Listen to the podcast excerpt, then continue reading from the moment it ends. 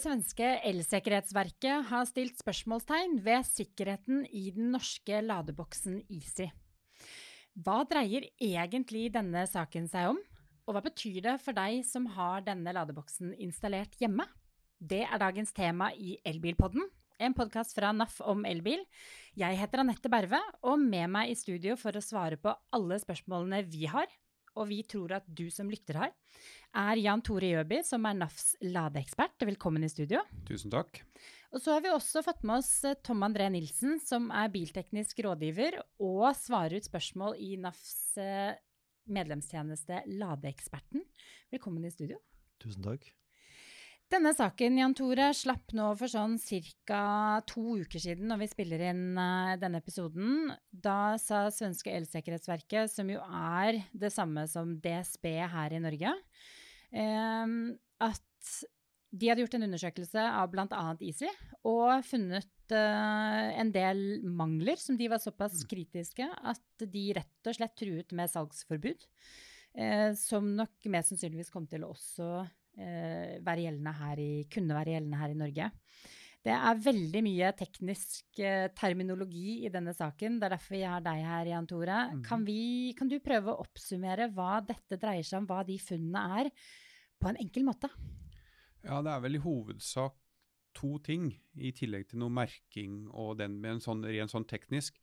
Det ene er jo det vi har snakka om tidligere, eh, med jordfeilbeskyttelsen. Eh, Easy har valgt å løse det på en litt annen måte enn det som står i, i standardene, som vi snakker så mye om. Eh, og vi, både vi var jo, når vi tok og sjekka Easy i vår ladestasjonstest, og Elsikkerhetsverket også, eh, i tvil om det er bra nok. Litt av utfordringen med måten Easy har gjort det på, er jo det at de sier at det, ja, de avviker noe. Men så vil de ikke fortelle hvordan de gjør. og Elsikkerhet er sånn tradisjonelt så skal det være helt åpent, så det er lett å kontrollere at elsikkerheten og løsningen som er der, er liksom riktige og i det vi kaller for samsvar med standarden. Og Det andre eh, som er avdekka, som ikke vi så, men det var kanskje litt vanskelig for oss også, for vi hadde det med på skrivebordet, det er det med å tåle overspenninger.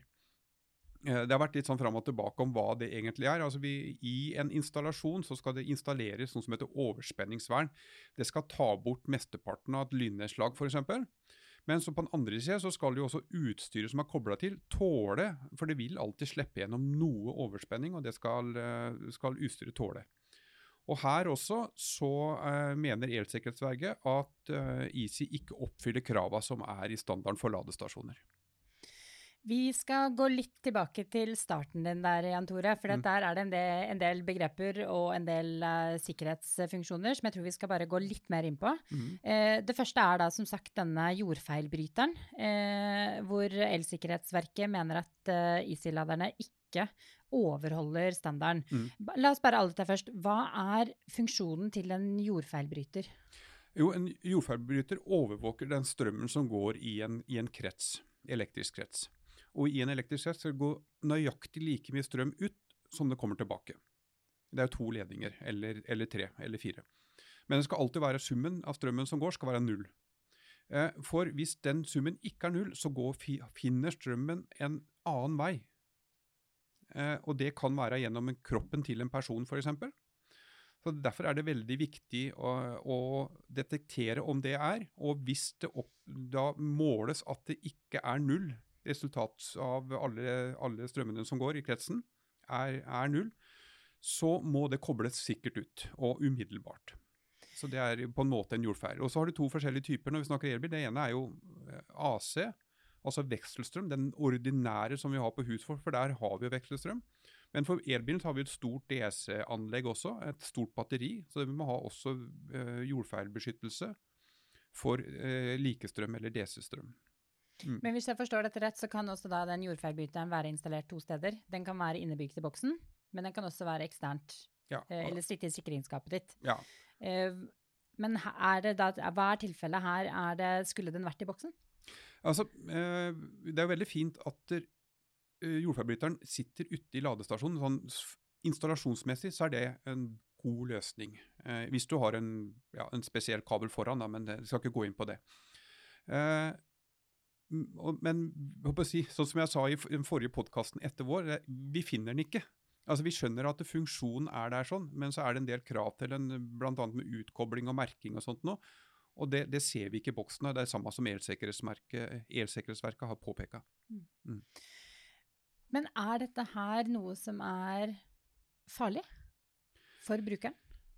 I en, jeg håper å si, en normal feilsituasjon, det høres litt spesielt ut, så tror jeg at det, det som er implementert i, i uh, Easy ladestasjonen, er OK.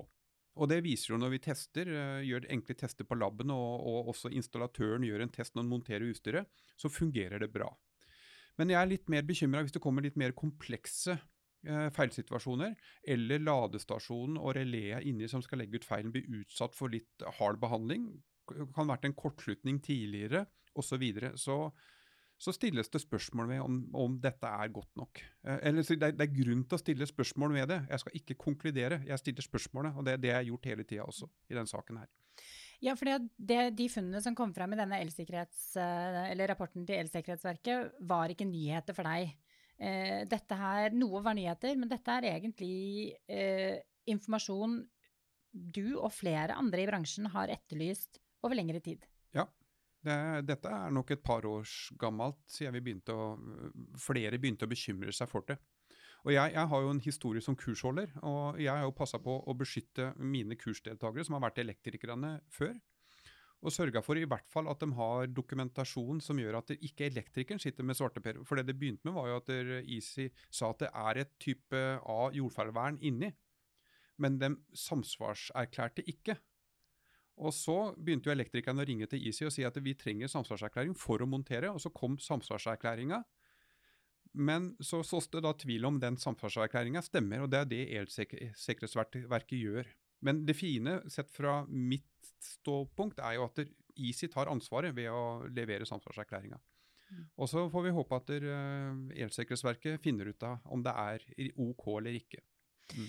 Ja, for i egentlig bare noen timer før vi nå spiller inn denne podkasten, så har jo faktisk eh, Easy sendt et 16 eh, sider langt uh, tilsvar til Elsikkerhetsverket. Det, det, skulle vært uh, De fikk frist på seg egentlig til, uh, til starten av denne, denne uka, 13.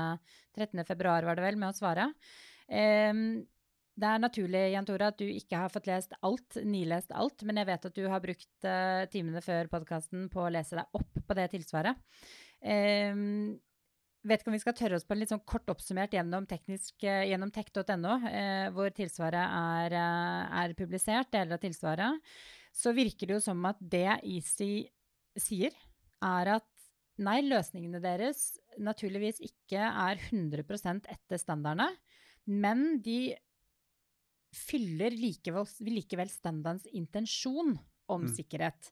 Og argumenterer da med at ISIS sine løsninger er teknologisk mer avanserte enn hva standarden legger opp til. Det kan jo være tilfellet det, Jan Tore? Ja, og vi skal ikke være dommere her, sånn. det er absolutt ikke jobben vår. Men sånn som en, en standard og dette fungerer, eh, det er det at eh, det er en metode for å oppnå intensjonen. Altså Intensjonen er vi enige om, det, det gjør det. Og så velger du en standard som er, beskriver en metode for å oppnå den uh, intensjonen. Og når vi sier at det er samsvar, sånn som uh, ISI sier, så skal det være Da, da skal det, metoden som står i standarden, være fullt til punkt og prikke. Eller så skal det selvsagt opplyses om det og dokumenteres at sikkerheten er minst like god. Uh, det som Easy har gjort, er å si at vi følger standarden, sa de først. Og så sier de ja, vi følger standarden, men det er noen avvik. Og så, eh, når vi spør hva er avvika, hvordan kan vi garantere oss at sikkerheten er der? Ja, det er noen avvik, men de dem avvika den kan vi ikke fortelle, for det er bedriftshemmeligheter. Så det er bare myndighetene som, som får lov å se på. Så får vi håpe da at, der, uh, at Elsikkerhetsverket har fått de svarene de trenger, for å finne ut av om det er godt nok eller ikke. For han har jo kanskje et poeng i det at byråkrati og standarder ikke bør stå i veien for innovasjon? Altså, det, og det er veldig viktig. Eh, Eh, standardisering er på en måte hemmende på innovasjon. Det er det ikke tvil om. Og, og, og, allerede når vi går inn i det norske lovverket, eh, der er det jo forskrift om elektriske lavspenningsanlegg, eller vi kaller det fell, det er mye lettere, som regulerer dette. Og der er det helt klart definert et sikkerhetsnivå Men det sikkerhetsnivået er ikke beskrevet liksom det skal være så sikkert og sånn og sånn, men det beskriver at hvis du følger metoden NEC 400, som mange har hørt om, den boka til installatørene, så ivaretar du det sikkerhetsnivået som Fell eh, krever, eller som myndighetene krever. Eh, og NEC 400 er jo utarbeida av Norsk elektroteknisk komité, en, en komité der sånn, hvor også DSB og Nkom, eh, som også er en part i dette fra myndighetene, sitter godt representert og påvirker dette her. Og dette bygger jo på alt bygger jo på internasjonale standarder. Eh, men så sier også Fell det at du må ikke følge NEC 400. Du kan gjøre det på din egen måte, men da må du dokumentere at sikkerhetsnivået er minst like høyt. Snakker vi da om et papir? At er det det som er dokumentasjonen? Papir, eh, ja, papir eller moderne elektronisk. Det skal være dokumentasjon. Så eh, kan du si når elektrikerne er ute da, og velger en annen metode, som å installere en ladeboks som ikke er i samsvar, for å ta det sånn hypotesa uten å peke på noen her sånn, så skal da eieren av det elektriske anlegget eh, få selvsagt den dokumentasjonen som man skal ha, som er samsvarserklæringer og sånt noe. Eh, men i den samsvarserklæringa, så skal det Den er jo mot fell, mot forskriften. Da skal det ikke være huket av at NEC 400 er fulgt, men det er en annen metode. Og så kreves det ganske godt med dokumentasjon for at installatøren skal ha ryggen fri for å, for å, si ja, vi har lagt oss på det sikkerhetsnivået som uh, uh, Fell sier. For på en måte bare sånn tankemessig her sånn, uh, eller ikke bare tankemessig, som samfunn så aksepterer vi alltid en viss risiko. Det gjør vi når vi har laga regler for veiene våre, for hvordan bilene skal fungere, og for elektriske anlegg. Og Så lenge vi er innafor det vi aksepterer av risiko, så er det ok, da kan vi ikke peke på noen. Men hvis vi ikke er innafor det vi aksepterer som en risiko, så er det noen som får et ansvar for det hvis den ulykke skulle skje. Mm. Og nå har det jo ikke skjedd noen ulykker eh, ennå, det tenker jeg er veldig viktig å, å få sagt. Heldigvis. Det har vært, eh, men det, sånn er det jo i alt elektrisk utstyr. Noe varmegang i noen, og litt sånn småtteri, men ikke noe alvorlige ulykker. Heldigvis. Mm. Det er jo installert nærmere 600 000 eh, slike ladebokser, og veldig mange av de sitter også hjemme hos uh, NAFs medlemmer. Og Tom André Nilsen, du er bilteknisk rådgiver. Du har direkte kontakt med medlemmene våre daglig. Um, har du, noen, har du blitt kontaktet angående Easy-ladesaken, og hva er det folk spør om?